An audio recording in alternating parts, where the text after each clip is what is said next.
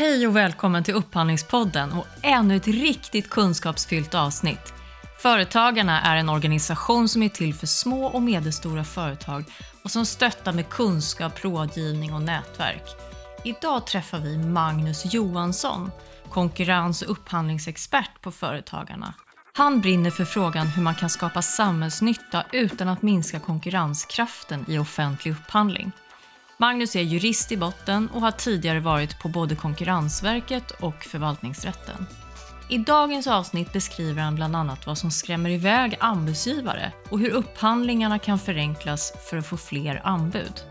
Detta är även strukturerat i en väldigt enkel upphandlingspolicy som alla kan ta del av. Missa inte vad den är för något. För att hjälpa företag att bli anbudsgivare har Magnus även skapat en kort kurs som kallas Upphandlingsskolan den är helt gratis och du tar igenom den på max 30 minuter. Länk finns i informationstexten. Det här är ett viktigt avsnitt med massor av tips, värdefulla både för upphandlare och anbudsgivare. Nu gör vi upphandling lite bättre. Välkommen till Upphandlingspodden, Magnus Johansson. Tack så mycket. Välkommen, kul att träffa dig. Detsamma. Vem är du och, och vad är du för någonting? Ja, jag heter Magnus Johansson då, som sagt och jobbar som konkurrens och upphandlingsexpert på organisationen Företagarna. Och Företagarna är ju då Sveriges största intresseorganisation för små och medelstora företag. Vi organiserar drygt 60 000 sådana i våra då 250 lokalföreningar som vi har då ute i vårt avlånga land. Och till det så har vi då 18 regionkontor som eh, arbetar för att eh, stötta då förstås våra lokalföreningar, men också framförallt att stötta oss som sitter på rikskontoret i Stockholm. För någonstans så ska ju vi då förstås göra politik av allt detta. Och eh, kort om min bakgrund. Jag är jurist. Jag eh, har arbetat med offentliga inköp i drygt 16 år eh, i lite olika faser höll jag på att säga. Eh, jag kom in på en ganska juridisk eh, bana där jag jobbade på, på förvaltningsrätt. Och sen så gick jag vidare till Konkurrensverket där jag då arbetade med eh, tillsyn över den offentliga upphandlingen där bland annat var TF enhetschef över en av de två enheterna som fanns på den tiden just över upphandlingstillsyn. Men efter åtta år så kände jag att nu är det dags att ta klivet över till lite mer pro-business eh, och framförallt hjälpa företag att bli bättre och framförallt vinna offentliga upphandlingar. Så därav eh, min nya, eller ny, gamla yrkesroll då på Företagarna där jag har varit i fyra år nu. Men är, är Företagarna samlar enbart små och medelstora företag eller alla företag? Jag ska säga så här, det här är en organisation som, som eh, inte tackar nej till några medlemmar, men fokuset är ju definitivt på kanske inte ens medelstora utan snarare små och mikroföretag där de flesta av våra medlemmar är. Såklart ska man känna igen sig i vår retorik och så vidare så, så gör man det nog bättre eh, som, som ett litet företag. Men, men dörren är öppen för, för samtliga som vill ansluta sig till oss. För det är väl mycket en målgrupp också uttalat som vi som jobbar på beställarsidan och jobbar med offentliga upphandlingar också ska vända oss till eller i alla fall ge möjlighet att, att bjudas in i offentliga upphandlingar, är det inte så? Mm. Nej men visst är det så, både från beställarhåll men också då förstås, förstås från lagstiftaren som, som, eh, och eh, även då EU-lagstiftaren om vi ska gå så, så högt upp i, i hierarkin där man alltid nämner liksom små och medelstora företags viktiga roll som välfärdsskapare. Eh, och tittar vi bara på andelen företag i Sverige så är ju 99,9 företag små och medelstora. Så att det säger ju en hel del också om, om vikten av att även de ska få tillgång till till den offentliga affären. Om man är en bransch då förstås där man kan eh, erbjuda varor, tjänster och byggentreprenader till det offentliga. På vilket sätt gör du skillnad där ute i din roll? Ja, men bra fråga Jessica, den kan man ju ställa sig själv ibland, eller hur? Eh, nej, men jag, jag, jag har två svar på den frågan.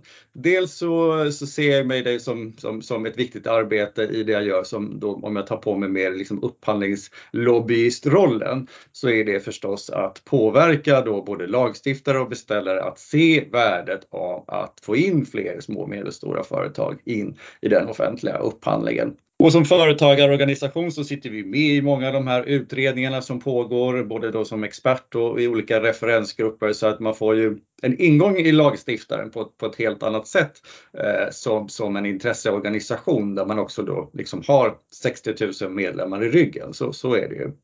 Men, men det andra svaret på den frågan det är ju att jag också ser mig själv som en eh, utbildare och en, en inspiratör för företagarnas medlemmar förstås att se värdet av den offentliga upphandlingen. Jag tror att många företag som, som, som startar, de kanske inte har offentlig upphandling eh, top of mind, utan det är någonting som, som kommer kanske efter några år. Eh, speciellt så eftersom man också måste liksom jobba upp en viss erfarenhet förstås för att få tillträde till offentliga kontrakt.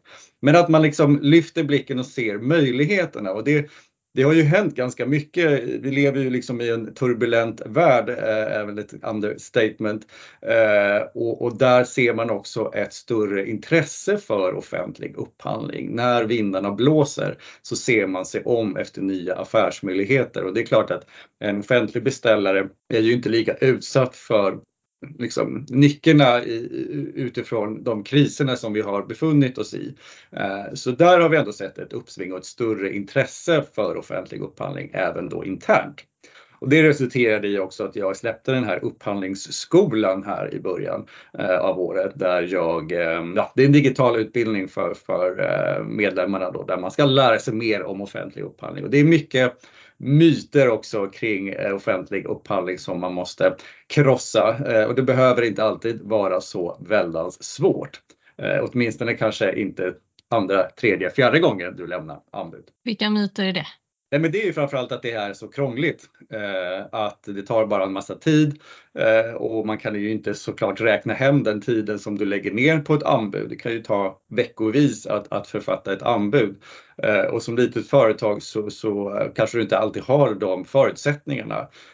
Sen det är klart att hela, hela spelet går ju ut på att man inte ska veta ifall man vinner en upphandling. Så det, det ingår ju lite i, i konceptet. Men, men också att, att ja, saker och ting är uppgjorda på förväg och, och det är svårt att, att, komma in som, som liten leverantör. Och det har ju också att göra med förstås att vi matas ju hela tiden i media av dikeskörningar. Alltså jag tror aldrig jag sett en, ett löp där det står att eh, man har genomfört en fantastisk upphandling, vilket det finns en hel del av. Utan det är ju dikeskörningarna och, och, och är man inte då inne i den offentliga affären så är det lätt att, att bilden cementeras av att det här är ingenting som jag vill ägna mig åt.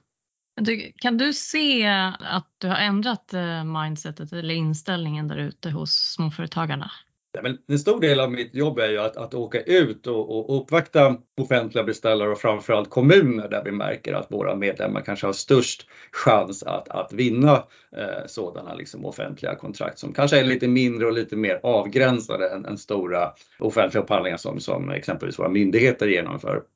Eh, och där märker man ju att eh, det finns ett ökat intresse för dialog framför allt. Eh, jag tror väldigt mycket själv på dialog Eh, och det är någonting som vi har pratat om tror jag sedan jag började jobba med den här lagstiftningen och frågan är väl bara så här, hur, hur ska vi få till den här ultimata dialogen? För jag tror verkligen på det.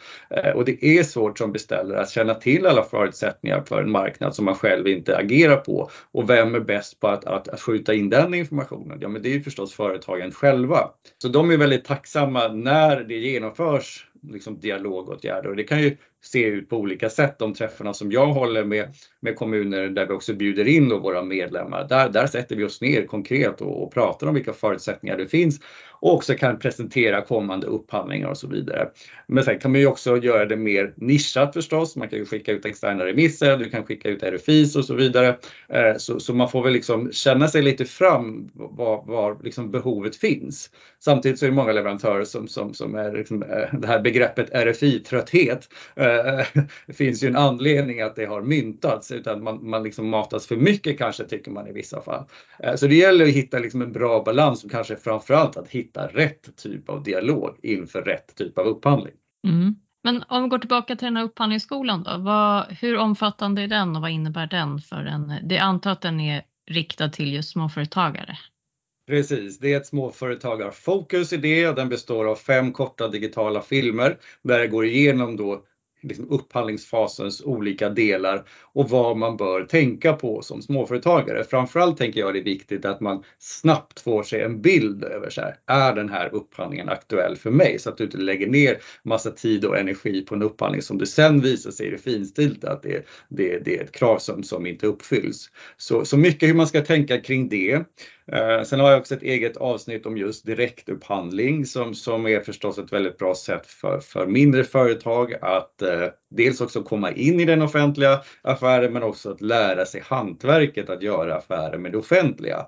Då förstås på ett eh, mycket mindre formlöst sätt. Men, men en direktupphandling kan ju leda till att man kanske också kan lämna anbud i en annonserad upphandling och sen är man inne i den här svängen. Men tycker du att man som småföretagare ska kunna ta initiativ till direktupphandlingen själv? Alltså att ta kontakt med en beställare och föreslå att inom det här området kanske ni skulle kunna, eller är det någonting som du pratar om i, i företagarna? Mm. Ja, men hur, hur når man då de här direktupphandlingarna? Och det är en väldigt bra fråga eftersom de inte behöver annonseras. Nu finns det ju förstås upphandlande organisationer som gör det också, men många gör det ju inte. Eh, och hur ska man då få reda på kontrakt som, som, som inte behöver konkurrensutsättas enligt konstens alla regler och att de överhuvudtaget ingås? Och det där ser ju väldigt olika ut. Vissa beställare har ju liksom sprungit lite före eh, och har publicerat olika e-tjänster på sin hemsida där man kan då registrera sig som, som företag. Då. Dels vem man är förstås, men också vad man kan erbjuda just den kommunen. Och på det sättet så har man i alla fall gjort sig sedd. För jag tänker att det är ju liksom det första steget. En upphandlande organisation har ju förstås inte full koll på alla företag som kanske finns i, i en geografiskt liksom avgränsat område. Och så det, det finns ett väldigt stort eh, ansvar hos företagen att, att göra sig sedda. Och sen då får man hoppas på att man, man eh, kommer upp på den här listan och sen att man får en förfrågan för, en direktupphandling. Och där har vi ju nu krav på riktlinjer och, och i dem så, så eh, finns det förstås olika delar man kan ta med sig men, men eh, det är väl alltid bra tänker jag att fråga minst tre leverantörer för att försäkra sig om att, att det är en av de tre bästa åtminstone som, som vinner kontraktet. Är det någon av kommunerna som du känner är särskilt bra på att göra det här? På att hålla e-tjänsten, på att hålla en, en inbjudningslista för den här typen av mer informella upphandlingar? Mm. Ja, men vissa, vissa har sprungit lite snabbare. Jag kan ju nämna min, min hemkommun Luleå som jag brukar göra när jag får möjlighet. Eh, de har jobbat mycket med att synliggöra sina direktupphandlingar. Jag tycker att många kommuner och andra beställare för den delen kan, kan titta på eh, hur, hur de arbetar med det. För som sagt, det är en stor del av den offentliga kakan. Nu har vi ju ingen riktig statistik över hur mycket direktupphandlingar som faktiskt ingås. Men, men eh, mellan tummen och pekfinger så ska jag vilja säga att det är nog ganska avsevärd del som, som ingås i direktupphandlade kontrakt. Så säg att vi upphandlar eh, för, för 800 miljarder i, i Sverige totalt sett så skulle jag nog plussa på ganska många miljarder på den summan för just direktupphandlingar. Men som sagt, eftersom de inte behöver annonsera så, så har vi lite haltande statistik just kring hur många och hur omfattande direktupphandlingen är. Mm. Mm. Vad, vad är den viktigaste upphandlingsfrågan för småföretagare, tycker du? Mm. Ja, men jag tycker en av de viktigaste upphandlingsfrågorna, åtminstone nu och kanske inte bara utifrån ett småföretagarperspektiv, det är ju hur ska den offentliga upphandlingen uppnå alla dessa samhällsnyttiga krav utan att minska på möjligheten att kunna delta eh, så att man inte slår i käppar i hjulen för liksom själva konkurrensbildningen som ändå är någonstans hela syftet med den här lagstiftningen. Sen har ju liksom offentlig upphandling blivit ett väldigt politiserat område tycker jag, bara kanske de sista fem åren, där, där ehm, offentlig upphandling har ringats in som, som eh, problemlösare för kanske alla samhällets problem. Och det, det må ju vara, vara hänt att man kan möjligtvis göra så, men man bör nog ändå ta sig en liten fundering på hur kravbilden ökar kontra då framförallt om vi tar ner det på ett småföretagsperspektiv, eh, möjligheten att just delta. Och det här är ju lite 10 000 kronors frågan. Hur, vart går den här gyllene gränsen för när vi kan uppnå samhällsnytta samtidigt som vi inte tappar eh, möjligheten att kunna delta i offentlig upphandling. Så det, det är väl framförallt, tycker jag, är en av de viktigaste frågorna. Men sen också förstås att se till att rusta fler företag för att se möjligheter att delta.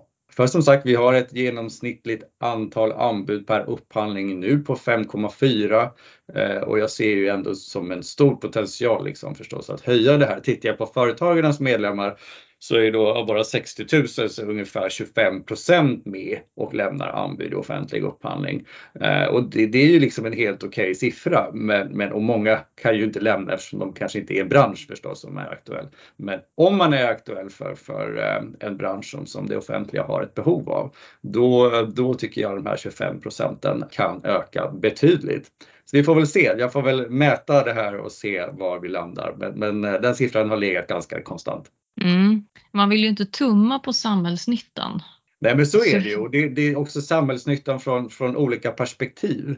Mm. Uh, just när man nämner småföretag och deras möjlighet att, att medverka i offentlig upphandling så handlar det mycket om att, att um, också få med liksom lokala leverantörer och det är förstås väldigt intressant för, för en mindre kommun att, att, att upprätthålla liksom skattemedel till kommunen. Det här är förstås inget syfte som, som upphandlingslagstiftningen har och, och sätter ju också käppar i hjulen för, för, för sådana så kallade gynnande då. Men, men det handlar egentligen inte om gynnande som jag säger utan det handlar mer om att öppna upp möjligheten att kunna vara med och leverera. Och sen är det ju förstås den, den eh, bästa leverantören som ska vinna kontraktet. Men, men, att man ändå ser den samhällsnyttan och vi kan ju också titta på EU-lagstiftare nu. Nu skramlar det ju om att, att eh, upphandlingsdirektiven ska börja omförhandlas och eh, ett av de syftena är också återigen att få in fler små och medelstora företag. För nu handlar det också om att, att, att starta upp EUs inre marknad efter då både pandemi och eh, Rysslands invasionskrig med Ukraina. Så att det, det mycket talar för att man vill få in fler små och medelstora företag och sen är väl frågan hur? Jag tror att svaret på den frågan är framförallt att man eh, ska göra det mindre komplicerat.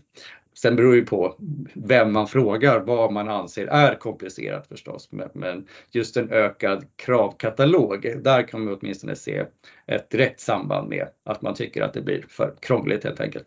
Säger dina medlemmar något särskilt om någon särskild del som är väldigt komplicerad? Handlar det just om att hitta matchningen eller handlar det om att eh, beskriva sina särskilda kvalitets möjligheter eller möjlighet att leverera en ökad kvalitet, alltså uppsatsskrivningen i anbud eller handlar det om portioneringen av storleken på kontrakt eller vilken del är mest eh, snårig för mm. företagen att träffa, komma igenom? Liksom? Ja, men eh, visst är det så att, att um, kvalificeringskraven är ju den första grinden kanske att inte komma in, både då i form av, av olika krav kring eh, finansiell ställning och, och referenskrav och så vidare. Men jag tror att det svåraste är nog när man ska ner i de enskilda kraven för att se om man uppfyller det som efterfrågas. Och det är ju inte alltid lätt. Är man van anbudsgivare så, så vet man ju ungefär vad som efterfrågas. Men, men är du helt ny så, så kan det ju vara svårt att veta då, men vad är en certifiering eller liknande? Eh, hur ska man veta det om man inte är certifierad? Ja, det blir liksom lite moment 22. Men, men eh, när man har tagit sig över den där första pucken så tror jag att då, då kommer det vara lättare både kanske andra, tredje, fjärde gången du lämnar anbud. Men, men eh, i första omgången så kan det nog vara lite övermäktigt och det handlar ju också om att samla in de in efterfrågas förstå de krav som ställs också. Det, det, ska man ju inte heller glömma bort. Nu har vi ju förstås den här påtalande skyldigheten eller omsorgsplikten eh, där man som leverantör ska ställa just frågor till beställaren om det är någonting som är oklart och det, det tror jag ändå är någonting som liksom bidrar med till, till bättre affärer.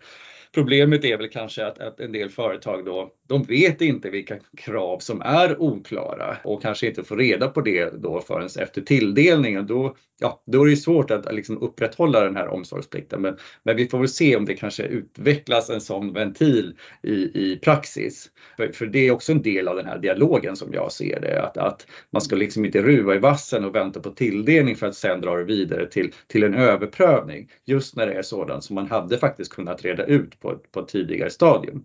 Men, men som sagt, jag tror att det, det, vi är inne i krav ställandet helt enkelt och uppfyllelsen av de kraven som ställs. Det är nog det som eh, uppfattas som mest komplicerat. Och sen, ja, men det ska vi också i ärlighetens namn säga att, att offentlig upphandling har ju blivit mer professionaliserat. Och jag menar, större företag har ju, har ju egna liksom bid managers som, som bara arbetar med att lämna anbud, och både gentemot privata marknader men även den offentliga förstås.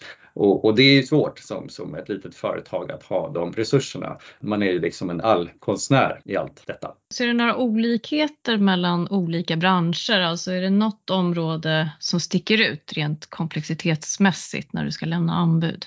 Ja, men visst är det så. Jag menar om man tänker på vissa liksom mer nischade branscher som tar liksom medtech-branschen exempelvis. Där kräver ju att man har, har företag som, som är vana och som också kan leverera till sådana ganska stora kvantiteter som efterfrågas.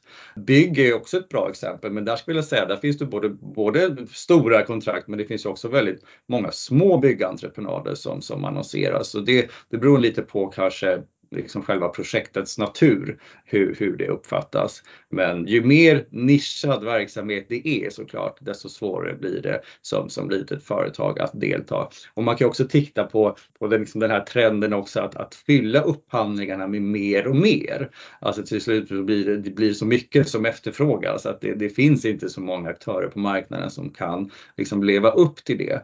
Samtidigt ska man också säga, har vi ju ett krav i LOU att man, man ska dela upp upphandlingar, åtminstone motivera varför man inte har gjort det. Eh, som kanske är ett krav som, som eh, det är lite sisådär efterföljning på. Men, men, det finns ju ändå och det säger också någonting om vikten av att göra det förstås. Men, men eh, ju större upphandlingar kan man säga, desto svårare förstås är det ju för mindre leverantörer att delta om den inte har delats upp i, i geografiska områden eller varukorgar eller vad det nu kan tänkas vara. Men ser du, någon, ser du något område där det har varit låga trösklar, där, där småföretagen har varit snabba in på den offentliga marknaden? Ja, men framförallt i tjänstemarknaden. Där ser vi ju en, en, en, stor andel av våra medlemmar som, som är med och lämnar anbud offentlig upphandling. Det är ju framförallt tjänsteleverantörer liksom snabbfotade tjänsteleverantörer som snabbt kan få det på pränt också och, och, snabbt kan ställa om till, till att börja leverera till det offentliga. Eh, och det är ändå 43 av, av Sveriges annonserade upphandlingar som, som avser just den marknaden. Så det, det är en stor del av både inköpen men också en stor del av småföretagen där de har möjlighet att verka. För då låter det ju som att om man möjliggör det så är det en ganska rätt fram eller en ganska traditionell säljprocess. Då. Det låter som att de som är snabbfotade och säljer fort har större möjlighet att komma in även på den offentliga marknaden. Det vill säga, det behöver inte vara så komplicerat. Nej, och oftast tänker jag också när det gäller tjänster så, så behöver ju tjänsten i sig inte skilja sig någonting från vare sig om det är en privat eller offentlig beställare, vilket gör ju också förstås att, att um, det blir mer snabbfotat helt enkelt. Men om man tar de här komplexa eh, områdena då, skulle man kunna göra någonting för att förenkla? Har du några bra tips på vad man kan tänka på för att inte göra det så svårt för de mindre? Mm. Förutom ett, att dela upp. Ja precis. Nej, men ett viktigt sätt som jag också ser det, det är att börja skriva lättförståeliga upphandlingsdokument. Det kanske bara låter banalt, men det är en väldigt viktig del. Ja, men säg att du, du tankar ner en upphandlingsdokument som är 80 sidor eh, för någonting som, som eh, du brukar leverera betydligt mindre formellt så är det nog kanske ingenting som du, du jublar åt och, och snarare kanske är det bara att antalet sidor gör att du väljer att inte lämna anbud. Eh, så jag tror att liksom minimera upphandlingsdokumenten och också på en mer liksom lättförståelig svenska så tror jag att det, det skulle kunna bli eh, och liksom fler leverantörer förstås som, som väljer att, att ge sig in. Så det, det kan göras på olika sätt. Jag menar, dels dela upp, det har vi varit inne på, men också dialog. Eh, få med liksom marknaden inför en upphandling, skapa ett intresse där tror jag också liksom är en viktig nyckel till framgång. Eh, att visa att man, man, är liksom, man är intresserad av den här affären. Det är ingenting som man bara måste genomföra helt enkelt. Där kan man ju också beskriva vad det är man vill åt. Så när de här eh, sidorna kommer ut så kanske det är lättare att ta sig igenom dem. Men jag tänker också när det är mycket text så kan det gärna bli mycket hänvisningar till tusentals dokument. Kanske inte tusentals, men många dokument fram och tillbaka. Och det där kan jag själv när jag sitter på anbudssidan kan ju själv känna att det blir otroligt svårt att hålla reda på kors och tvärs. Hänvisar till den bilagan, den bilagan och så är det liksom 20 bilagor som man ska leta igenom på olika sätt när man sitter i ett huvuddokument och ska försöka navigera och förstå vad det är man ska lämna. Det, det är som mm. upphandlingslagarna. Det har blivit lite bättre, men det finns mycket korsvisa hänvisningar ännu. Och, och, eh, nej men precis, och just det här att man kanske gör en ingress också där man förklarar vad är det vi har behov av. Allt, allt för att underlätta och, och göra liksom en, en, en hisspitch av det man ska köpa, det tror jag är en väg framåt. Det är en konst att skriva kort. Det är det absolut och så, så finns det en psykologi att det är svårt att överge sina gamla krav också som du sa där, en kopia på den förra upphandlingen är sällan bra om kopian är dålig. Men det är också så att det, man ackumulerar sina krav som upphandlande myndighet och har svårt att överge saker som ibland kan vara riktigt sådär konkurrensstridiga. Liksom. Eh, men en sak som jag har funderat lite på, det är väl också lite i idén hur, hur vi tänker runt försörjning. För man blir ju ibland lite sårbar också när man sitter med små företag och kanske en motpart eller en person, företag som är burna av en persons kompetens eller förmåga att driva någonting framåt så är väl det kanske också någonting att fundera på att, att ha en, en backup-försörjning i sina kontrakt också. Då. Det är inte direkt upphandling utan det är mer hur upphandlingen struktureras. Då, liksom. Ja, men visst är det så Magnus, jag håller helt med dig. Och det är klart att det, det blir, min, det blir mer sårbart kanske för, för ett, litet företag än vad det är för ett, ett, större företag med betydligt mer muskler.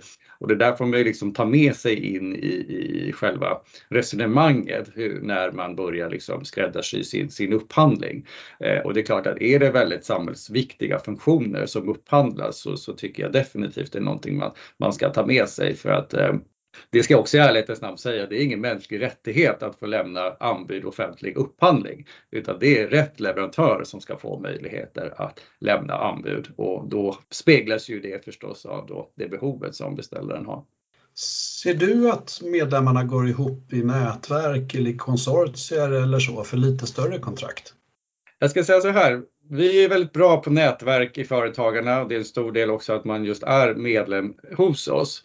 Eh, men om jag ska applicera det på själva upphandlingsdelen så kan jag säga så här, det är alltid någonting som jag nämner när jag är ute och träffar våra medlemmar att är det så att ni inte har egen kapacitet så kan ni kroka arm med till och med er konkurrent eh, för att gemensamt uppfylla då de krav som ställs. Dels kan man göra det i, i form av samarbete förstås, men, men eh, man kan ju också gå in liksom i underleverantörsleden. Men om jag förstår din fråga rätt så handlar det mer om hur, hur man ska tillsammans uppfylla eh, då, då en större upphandling. Och det, det, det, slår mig ändå att det är inte så många företag som gör detta.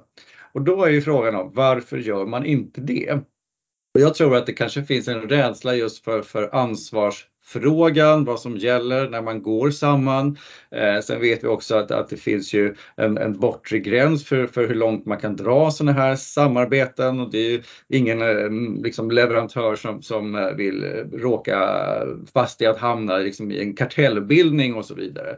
Så att jag vet faktiskt inte riktigt vad det är, eh, men jag tror att där finns det en stor potential att liksom arbeta för att fler ska våga samarbeta. För det är ett väldigt bra sätt förstås som, som mindre aktör att kunna få ta del av offentliga kontrakt.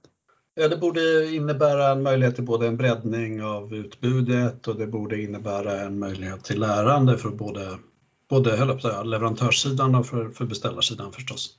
Mm. I kanske lite andra konstellationer. Mm. Ja, men kan det vara, ibland så uppmanar man ju att lämna in information om det så att man, alltså att man har färdiga eh, blanketter så man fyller i om man är ett konsortium eller JV eller så. Men ibland har man det inte. Kan det vara så att man blir osäker på om man ens får göra det eller sådär? Alltså hur långt man faktiskt får gå när man lämnar en upphandling mm. eller ett anbud i en upphandling. Nej, men det, det är ju inte alla leverantörer som, som känner till att det finns möjlighet att samarbeta. Och är det dessutom ingenting som man pinpointar liksom i upphandlingsdokumenten så kräver det ändå att man har lite liksom juridisk koll på, på vad som gäller inom upphandlingslagstiftningen. Men vi ser ju trender där också, om man tänker bara på det här med underleverantörsleden som, som ändå har ringats in om vi liksom kommer in på den mer tråkiga sidan av offentlig upphandling med just oseriösa leverantörer och, och eh, sådana som, som tillskansar sig liksom skattemedel på felaktiga grunder där har man ju sett liksom att, att långa underleverantörskedjor, där finns det ju en stor risk för att få in just oseriösa leverantörer. Och det sitter ju en utredning nu och tittar på om man ska kunna begränsa antal underleverantörer som, som åberopas och vi får väl se vad de kommer fram till. Eh, det här är ju en rättighet som följer liksom av EU-fördraget så det gäller förstås att den inskränkningen i sådana fall är proportionerlig till det som ska eh, uppnås. Det händer lite på, på området och ja, man får helt enkelt bara se till att hålla sig ajour. Men berätta, vad menar du med att det är en rättighet enligt EU-fördraget? Jo, men en rättighet är med fri rörlighet och hur du själv liksom ska skapa dina dina affärsmöjligheter och förhållanden. Alltså det är ingenting som, som lagstiftare ska gå in och, och, och ställa krav på. Eh, mm. Utan det, det, är en rättighet som faller ut utav det. Och börjar man då som från liksom beställarhåll att bestämma att man får ha x antal underleverantörer eller vad det nu kan tänkas vara. Så skulle det ju kunna potentiellt sett vara en, en inskränkning av den fria rörligheten. Så vi får väl se var man landar i den frågan välformulerat. Jag har själv sagt när de här propåerna kommer, för de är väldigt enkla att trycka fram politiskt och säga det är bara att begränsa antalet underleverantörsled om det är problemet eller om det är i den miljön problemet uppstår. Men min uppfattning har varit som sagt att det finns en fri, en fri möjlighet att organisera sitt arbete som, som leverantör liksom. och den kan vi inte peta på. Så det är jätteintressant att se vad utredningen kommer fram till. Vet du när den ska vara klar? Den ska presenteras i höst. Härligt. Vi ser fram emot semestrarna så um, ja, det ska bli spännande att se. För det finns ju två delar i det här, alltså dels antal underleverantörer men sen också antal underleverantörsled, alltså hur många led neråt får man ha underleverantörer. Eh, är det liksom antal underleverantörer i sig, är det det man tittar på eller tittar man på båda, båda aspekterna så att säga? Framförallt frågan om det överhuvudtaget kan begränsas. Ja. Mm. Så får man ju landa mm. i det först för att sen liksom i sådana fall mejsla ut vad det är exakt man kan begränsa. Men det, man kan också dra en parallell till, till Rysslandssanktionerna som, som också medförde att man som leverantör måste ha bättre koll på sina underleverantörer. Och det upplever jag att man inte alltid har. Eh, och det här liksom due diligence eller företagsbesiktning eller vad vi ska kalla det eh, är ju verkligen i ropet. Och det där appliceras ju väldigt mycket nu av från EU-lagstiftaren och, och kommer ju förstås med rapporteringskrav som, som eh, kan vara väldigt tuffa framförallt för mindre leverantörer. Sen kan man ju tycka i de bästa världar borde man väl veta vilka man, man gör affärer med. Men, men eh, efter kanske tionde eller tjugonde underleverantören kanske man befinner sig i Bangladesh och så vet man inte exakt vilka arbetsförhållanden som finns. Så att jag tror att det är många strömningar som går mot att man måste ha bättre koll på sina underleverantörer. Sen om det sker i form av att man begränsar det eller inte, men jag tror att det är förstås väldigt bra att man, man har det som, som eh, leverantör till det offentliga för, för någonstans så är det ändå det är våra skattepengar som man spenderar. Men hur har du sett att de här till exempel Rysslandssanktionerna nu har påverkat eh, småföretagarna? Ja, men framförallt har det påverkat dem så tillvida att de måste genomföra den här due diligence. Och det är ju inte alltid så lätt som, som mindre företag. Man kan ju köpa sådana tjänster men de är ganska kostnadskrävande. Liksom, men om man tittar på, på företagarnas medlemmar så, så har ju de inte så långa underleverantörsled helt enkelt. De, de är ju ofta kanske under 10 anställda och, och därigenom så ja, av storleken gör det att man inte har så långa underleverantörsled. Så, så det, det kan ju vara så att det är ett större problem för, för större företag med mer internationell handel förstås. Du har ju nämnt att, du, eh, att man som beställare eller upphandlande myndighet kan vinna på att snäva ner sina avtal lite. Hur tänker du kring det? Ja, men jag tänker om man tittar på det utifrån ett småföretagsperspektiv då så, så blir det ju betydligt enklare för mindre företag att vara med om man inte efterfrågar liksom X, Y, Z och lite till. För, för som mindre företag så är det ju oftast nischad och du är bra på, på det du har liksom, eh, din affärsidé. Men det är inte alltid så lätt att uppfylla allt annat som ställs. Eh, och man kan ju titta bara på de här typen av, av grossistupphandlingar eller liksom att du upphandlar en mellanhand som, som sköter alla dina förehavanden. Det blir ju svårt. Det kanske blir svårt från beställarhåll också ibland att få insyn i det urvalet. Men eh, det tenderar ju att liksom växa, att upphandlingarna blir större och man kastar in fler förutsättningar och, och fler behov i dem. Eh, och där finns det ju en direkt koppling förstås till småföretagsmedverkan. Men tycker du att upphandlande myndigheter är lyhörda för det här när du pratar med dem? Ja, men jag skulle säga så här Jessica, det finns ingen upphandlande organisation som jag har träffat som inte vill föra mer dialog. Och då är ju frågan, varför sker det inte då i högre utsträckning? Ja, men eh, då är vi tillbaka i de här tråkiga liksom förutsättningsdelarna, eh, att det oftast inte finns resurser och att det som eh, upphandlas gärna skulle ha levererats igår. Och i den kontexten blir det väldigt svårt att få in den här liksom, nödvändiga och viktiga dialogen som jag ser det. Mm. Eh, så jag tror att om, om, man skulle tillsätta mer resurser eh, och mer tid framför allt så skulle man nog få se en ordentlig höjning av både dialog och då i slutändan bättre offentlig upphandling.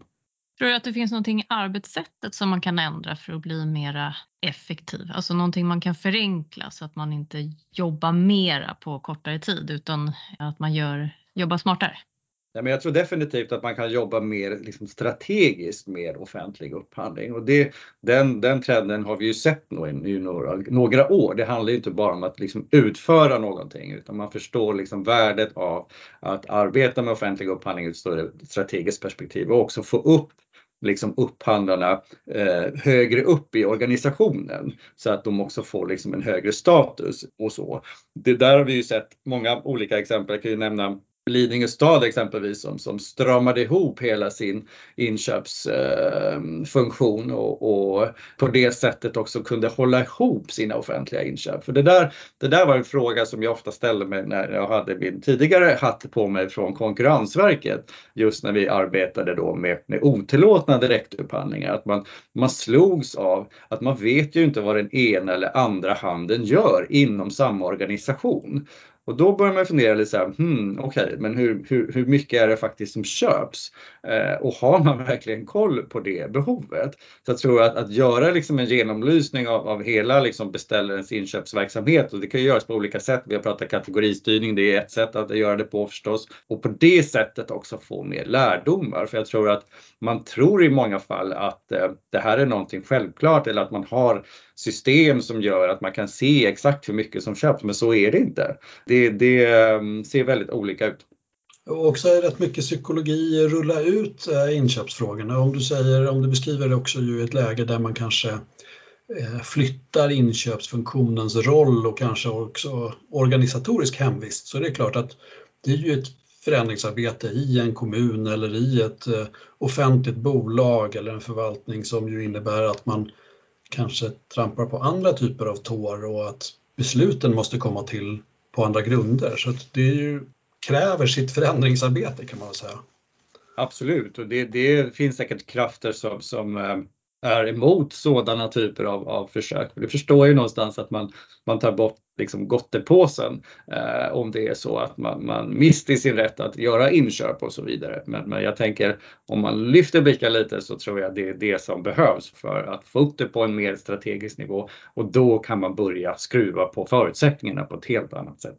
Och vi hade en gäst här för ett par veckor sedan, eh, Victoria Berg, som berättade att när de rullade ut en en, ett mer kraftfullt spändverktyg i hennes kommun så var det så att också verksamhetscheferna eh, fattade helt andra typer av, av, eh, eller helt andra typer, men andra typer av, av eh, rationella beslut utifrån de siffror som presenterades. Att det blev tillgängligt på ett sådant sätt att de upplevde att de hade mycket mer nytta av det. Så sånt som är faktadrivna beslut är nog de allra flesta betjänta av också förstås jag funderade på det. Vi pratade om upphandlingsprocessen och tillgängliggöra processen och sånt där. Och någonting som när jag i byggbranschsammanhang pratar så är det väl ofta så att man är lite rädd för kontraktuella risker och sånt där. Det borde ju påverka småföretagen rätt mycket om vi pratar om viteskataloger eller eh, åtgärdskrav eller eh, extra hävningsgrunder och sånt där i ett kontrakt. Är det någonting som man pratar om också i sammanhanget? Nej men absolut och framförallt i ljuset av både pandemin och, och kriget i Ukraina så har man ju märkt liksom att det, det, är mycket som händer i vår omvärld som, som inte alltid kan lastas vare sig beställare eller leverantörer för den delen. Och där har vi varit tydliga med under åtminstone i början av, av båda kriserna att man kanske inte ska drämma till med, med viten eller hävning av avtal det första man gör utan man försöker liksom ändå lösa det här tillsammans. Sen kan det ju vara väldigt svårt om det finns brott i underleverantörskedjorna exempelvis och man kan inte få sin leverans på plats. Ja, jag tror inte att kanske viten i, i det läget kanske är det, det, det, bästa sättet att försöka lösa situationen. För, för beställaren har ju ändå ett fortsatt behov och leverantören liksom gör ju oftast allt de kan för att se till att det kan tillgodoses. Men man kan ju jobba mycket med olika sanktionstrappor just i offentliga kontrakt där man liksom går från från viten eller innehållande av ersättning eller då till slut och slutligen liksom hävning. Men eh, jag märker ändå bland våra leverantörer att de är inte jätteerfarna av att beställarna verkligen tar sig den vägen. Eh, även om möjligheten finns så, så eh, är det ganska liksom undantagsfall som, som man måste driva det så pass långt. Det låter i sig egentligen ganska positivt. Jag tänkte mot bakgrund av din gamla roll från Konkurrensverket så är det ju lite ibland bilden av att vi är rätt förhindrade av våra egna kontraktsvillkor. Att det är svårt som offentlig köpare att komma överens eller förlikas egentligen. Nej men absolut, om man tar på sig liksom tillsynsrollen så, så är det ju frågan om förstås hur väsentliga är de här ändringarna som, som införs i kontrakten. Och det är väl också lite att svara som så här, hur långt ett snöre, det beror helt på, på omständigheterna. Men eh, jag upplever ändå, nu får vi hoppas att Konkurrensverket håller för öronen, nej men att man är mer pragmatiskt när, när liksom omvärlden ser ut som, som den gör. Och, och någonstans så tror jag ändå att det det är vägen liksom framåt att gå i alla fall under de här tiderna. För att behovet är ju konstant och vad hjälper det egentligen att, att liksom häva ett avtal? Du måste ju fortfarande ha någon som kör skolbussen och skulle man gå ut med ny upphandling då eh, så kommer det säkerligen bli betydligt dyrare tänker jag än om man försöker fortsätta tillämpa det avtal som man har ingått. Men det är väl samvetet som får tala där hur, hur långt man kan dra detta. Men eh, det finns en större välvilja åtminstone nu när, när omvärlden ser ut som den gör och det kan inte alltid lastas då förstås leverantörerna. Nej, men det, det är viktigt och det är ju många av de frågorna, både kostnadsregleringar och eh, inflationsdrivna eh, index och sådana saker som, som ju har gjort att vi sitter ju med helt andra, ja men i en helt annan föränderlighet i omvärlden än vad vi har gjort historiskt. Jag tror att vi parterna liksom, sinsemellan har blivit lite bekväma och nu prövas ju systemen på ett annat sätt. Liksom. Mm. Så det... Nej, men så är det. Och det som, som jag nämnde inledningsvis, så, så att man liksom har fått ett liksom uppsving i offentlig upphandling så finns det ju också en, en falang inom vissa branscher. Då. Ja, men ta bara liksom, om man är drivmedelsbranschen liksom, eller så vidare, sådana såna branscher som, som, som kräver mycket av den varan det är klart att där ser man ju lite mer förskräckelse på hur man överhuvudtaget ska binda upp sig på ett fyraårigt kontrakt när man inte vet imorgon hur, hur, hur omvärlden ser ut. Och, och, trots indexeringar och prisjusteringar och så vidare, men indexeringar har ju slagit i taket för länge, länge sedan. Så där tror jag också man får jobba med de förutsättningar man har helt enkelt. Intressant. Jag tror också det att det finns ett ganska stort behov av att jobba med att förbättra varandras leveranser innan, innan man börjar bryta kontrakt förstås. Eh, så att oavsett om Konkurrensverket lyssnar eller inte så, så tänker jag att det behöver då vara så i mycket, mycket större utsträckning för att eh, det är kostsamt att försörja med nya kontrakt och det är besvärligt att eh, Alltså, transaktionskostnaderna i en upphandling är inte helt försumbara heller så att jag tror precis som du säger att det är nog viktigt att få eh, leveransen i mål på ett eller annat sätt liksom, inom de råmärken man ändå har. Men kan du se att man har börjat ändra en del regler som alltid historiskt har sett likadana ut väldigt länge? Eh, typ force majeure och den typen av regler eh, nu mer och mer i och med de här omvärldsförändringarna? Nej, jag skulle inte påstå att jag har sett någon så sådan trend och det här med force majeure är ju väldigt svårt. Eh, pratar vi jordbävningar eller vad, vad pratar vi om? Eh, många vill ju att man ska kunna åberopa det liksom när, när inflationen slår till och det, det ska jag påstå är inte en sådan förutsättning som skulle kunna lira som, som force majeure. Eh, nej, men jag tror att man jobbar med de sanktioner som finns helt enkelt och eh, också kanske ta sig en extra fundering på hur mycket sanktioner som man skriver in i avtalen. För det ska man också veta att det är väldigt kostnadsdrivande. Ja, man får försöka liksom lira med det man har här, men jag tror att just sanktioner i sig löser fortfarande inte behovet av eh, vara eller tjänst eller byggentreprenad. Incitament får man jobba med. Och mer förhandlingar kanske, för jag tror att jag tror att man är lite rädd för förhandlingar. Vad tror du om det? Ja, men det har ju att göra det här med ettor och nollor. Va? Man, man, tror inte att man kan förhandla om någonting. Och det är väl en sanning med, med modifikation. Jag menar, om vi tittar på 19 kapp, där, där finns det ju större förhandlingsutrymme och du, du kan till och med ändra och korrigera eh, fel i anbuden och så vidare. Men, men där har man märkt att det kanske inte har fått den liksom fulla effekt ännu. Nu ska jag säga, nu är det ju en förhållandevis ny lagstiftning från och med februari eh, förra året. Men där ser ju jag en stor potential också. För det, det är också någonting som, som föder den här myten om att eh, man får absolut inte prata med varandra och så vidare. Medan ett, ett, ett, företag som, som ingår en, en, en privat affärsuppgörelse, men där gör man ingenting annat än sätter sig ner och förhandlar. Så att jag, jag önskar att fler offentliga beställare gör det mer helt enkelt. För jag tror att eh, det skulle också gynna den offentliga affären. Det är ju väldigt tråkigt om det finns ett fantastiskt anbud med kanske någon litet liksom fel eh, som, som man skulle kunna korrigera som, som, som inte gör det. Men, men annars är man nog väldigt rädd för förhandling och, och man tror inte att, att det är möjligt från leverantörshåll. Så att ja, det är liksom, man möts inte riktigt där tror jag. Ännu i alla fall. Har du några tips till konkreta tips till, till upphandlare? Ja, men det skulle jag vilja säga, ta er tiden om ni har möjligheten att lyssna in marknaden inför en upphandling.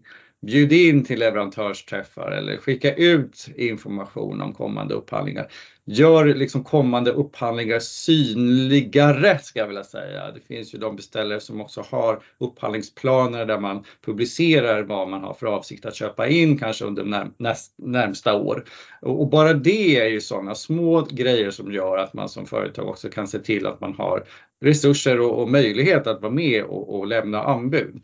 Sen förstår jag ju som sagt som vi varit inne på att det här är ju kanske inte alltid så enkelt beroende på i vilken beställarorganisation man, man arbeta för. Men, men att man ser vikten av dialog. Jag tror att, att bara träffas gör att man skapar ett helt annan förståelse för varandra. För någonstans så förstår man ju så här att ja, men det är klart att vi har de här lagarna till ett syfte. Och det ska man ju inte heller glömma bort att upphandlingslagstiftningen är ju en skyddslagstiftning som för leverantörer. Men det är ju kanske ingenting som, som våra medlemmar ser det första man ser framför sig. Men, men det är ju ett väldigt viktigt syfte just att motverka korruption och jäv och, och sådana frågor. Och därför ska vi också liksom nyttja den här upp, upphandlingslagarna på allra bästa sätt. Och man kan göra väldigt mycket. Och som sagt, ha mod, fastna inte i gamla hjulspår.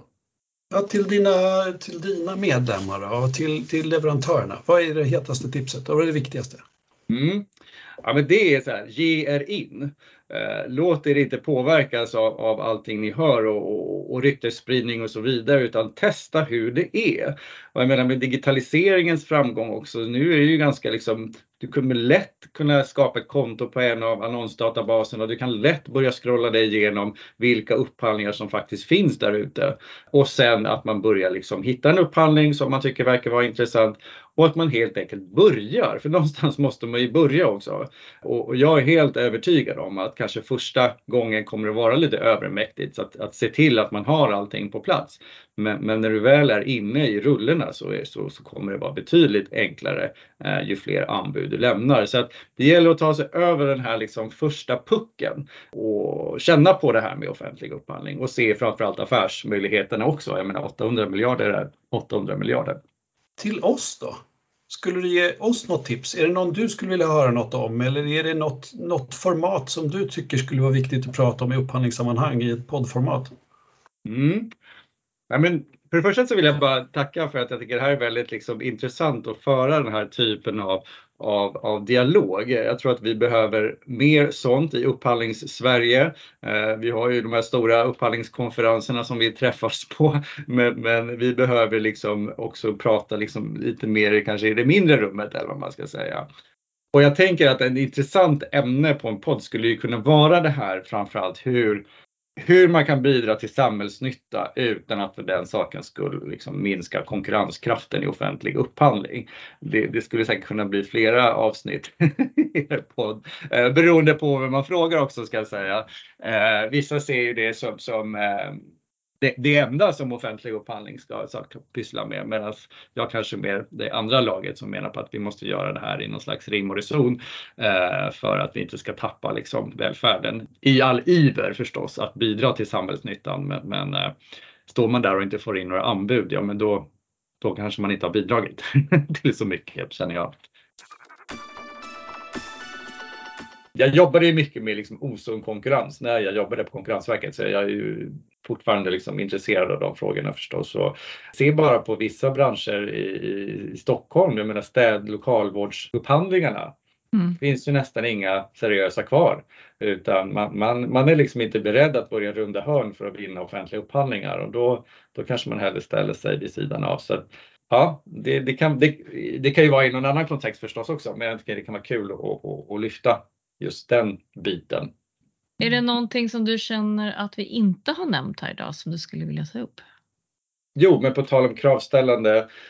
Det är ju alltid det här med, med liksom att man, man, man vill uppnå en massa saker med, med, om vi tänker framförallt på kvalificeringskrav.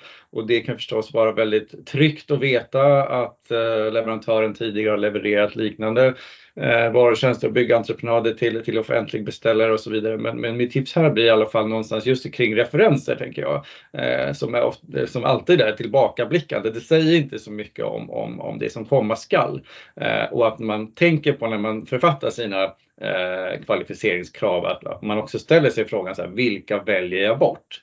Så att det inte i sig blir, blir en grindvakt för att liksom inte komma in i den offentliga upphandlingen. Och det, det tar ju sikte på liksom kanske framförallt ur ett småföretagsperspektiv där man inte alltid har den breda erfarenheten som, som, som större leverantörer har. Och samma sak kring krav kring finansiell ställning. Det, det är ju också tufft eh, framförallt för, för nystartade företag eh, men även liksom framförallt kanske för mikroföretag där man inte alls har samma möjligheter att kunna väga upp då sådana här typer av krav gentemot större aktörer.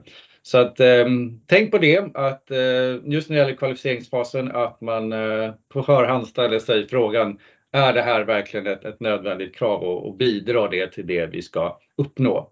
Eh, annars så eh, skulle jag vilja säga ställ inte det kravet. Är det några krav som du själv kan tycka specifikt är krav man kanske bör ta bort generellt? Alltså som oftast är för höga krav i upphandlingar. Man har ibland sett krav där man har ställt krav på att man ska ha utfört då, eh, vara eller tjänst eller byggentreprenör till just den kommunen. Och det blir liksom lite moment 22. Då gäller det att komma in via direktupphandling då förstås. Då, då kan man ju fortfarande liksom göra affärer med, med, med beställaren. Men, men just sådana krav som, som man inte riktigt förstår syftet med. För har du levererat en, en, en tjänst till, till en privat aktör så, så kan du säkert leverera eh, samma tjänst till, till en offentlig beställare. Så det, det, är väl typiskt ett sådant krav som, som jag anser är ganska onödigt. Hur... Jag är ju mycket ute och träffar offentliga beställare och det är det som jag tycker är liksom, det, det som är roligt med, med det här jobbet bland annat. Det är ju att man blir väldigt verklighetsbaserad om man ska uttrycka sig så. Annars är det lätt att man, man som, som upphandlingsjurist liksom svävar där uppe bland, bland molnen och man vet inte riktigt hur saker och ting fungerar även om man liksom, teoretiskt sett tror att man vet. Men när du mm. åker ut och träffar beställare, så offentliga beställare, vilka i organisationen är det du vill ska vara med på en sån träff? Ja, men det är ju framförallt eh, upphandlingsfunktionen, upphandlingschef, eh, upphandlare, näringslivschefer. Eh, ibland har vi också haft besök av, av um, olika kommunala politiker och så vidare. Så jag tror att det, det är liksom viktigt att man lyfter, lyfter det från, från olika håll. Men, men eh, framförallt när vi verkar för att driva krav som är mer småföretagsvänliga så, så är det ju framförallt liksom upphandlingschef och motsvarande. Och det kan jag också passa på att säga att vi vi har tagit fram en, en policy på företagen som just vänder sig till kommuner eh, som är en så kallad småföretagsvänlig upphandlingspolicy. Och, och, och den är egentligen ingen ingen rocket science, men det är liksom några punkter som gör att man skulle kunna bidra till att fler småföretag eh, kan vara med och lämna anbud i offentlig upphandling. Kan man ladda ner den på er hemsida? Den kan man ladda ner. Mm. Och om man vill komma i kontakt med dig, hur gör man då? Ja, men eh, enklast tänker jag via LinkedIn. Adda mig där. Jag är rätt aktiv eh, på just det forumet.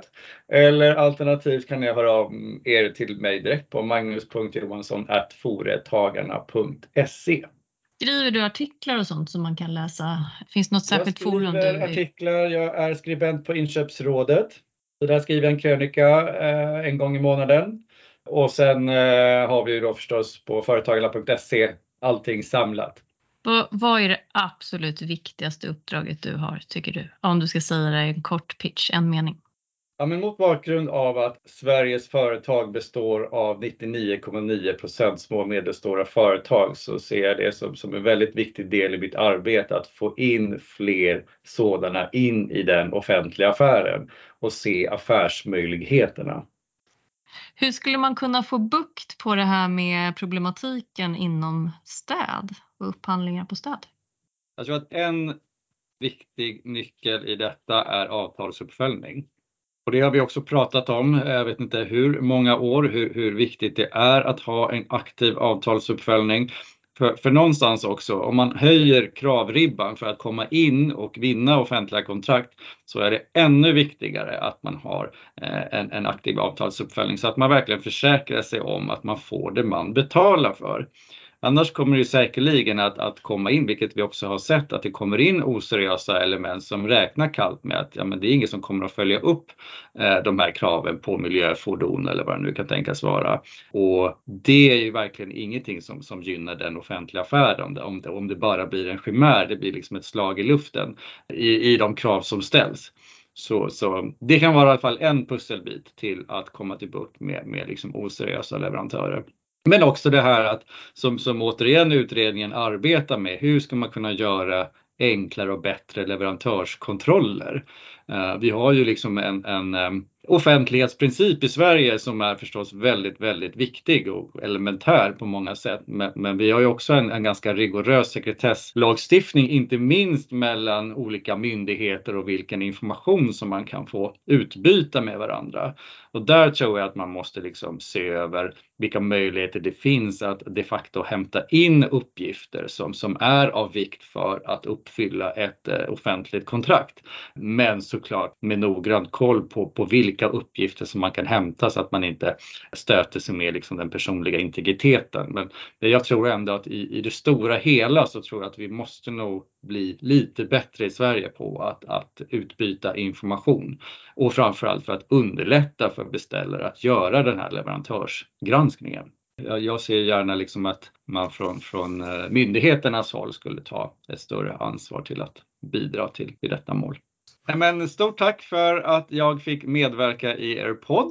Nej, stort tack för att du var med Magnus Johansson. Det här var toppen. Jätteintressant. Vi hoppas att du har fått en massa användbar kunskap och bra tips för att kunna göra upphandling lite bättre. Tycker du att Upphandlingspodden är intressant? Tipsa gärna dina kollegor och vänner om att den finns. Då hjälper du till att göra upphandling ännu bättre. Connecta också gärna med Upphandlingspodden på LinkedIn.